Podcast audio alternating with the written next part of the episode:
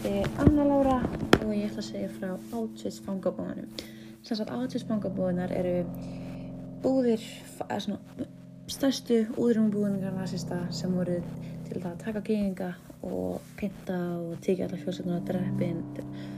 að tekið og í að láta gera vinnu sem bara tilfljóðstust að því það var bara sem drepin og bara halda áfram. Og ég ætla að segja frá þeim. Þannig já. Um, Auschwitz eru stærstu fangabúðunar og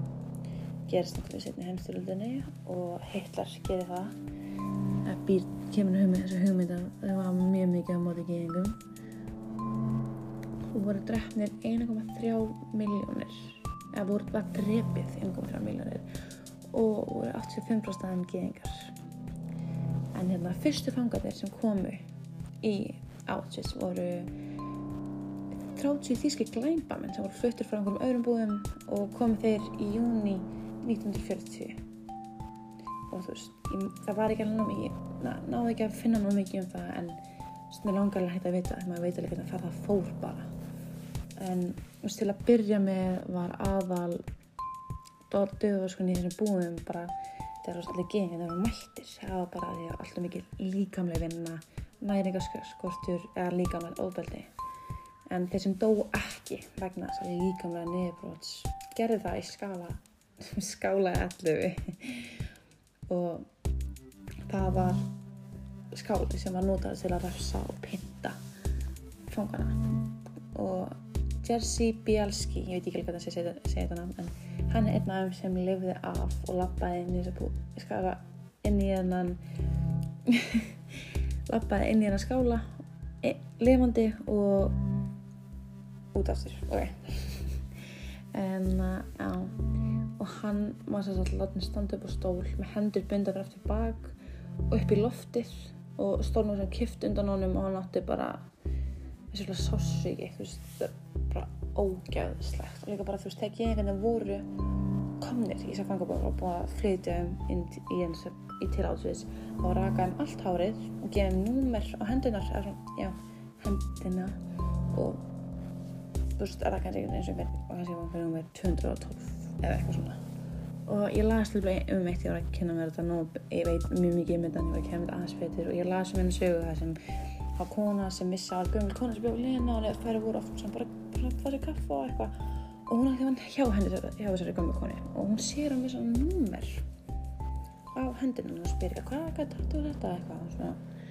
og eitthvað eitthvað djókum þetta að kemur í ljós að þetta er sem sagt að hún var í átsins að lifa og var sjö ára eða eitthvað. Hún fekk þetta númer og það er ræðilegt sko um að hvað, hún getur ekki ímyndið sér hvað þessi telpa leið sko en hérna og síðan var líka bara full eins og á læknar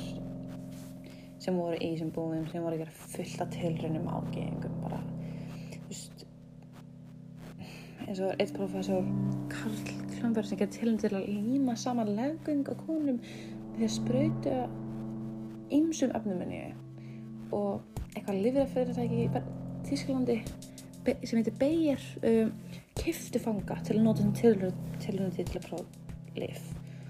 en frægasti lækniðinn sem var í Auschwitz var Josef Mengele eining á líka kallar Engil Döðans hann var miklar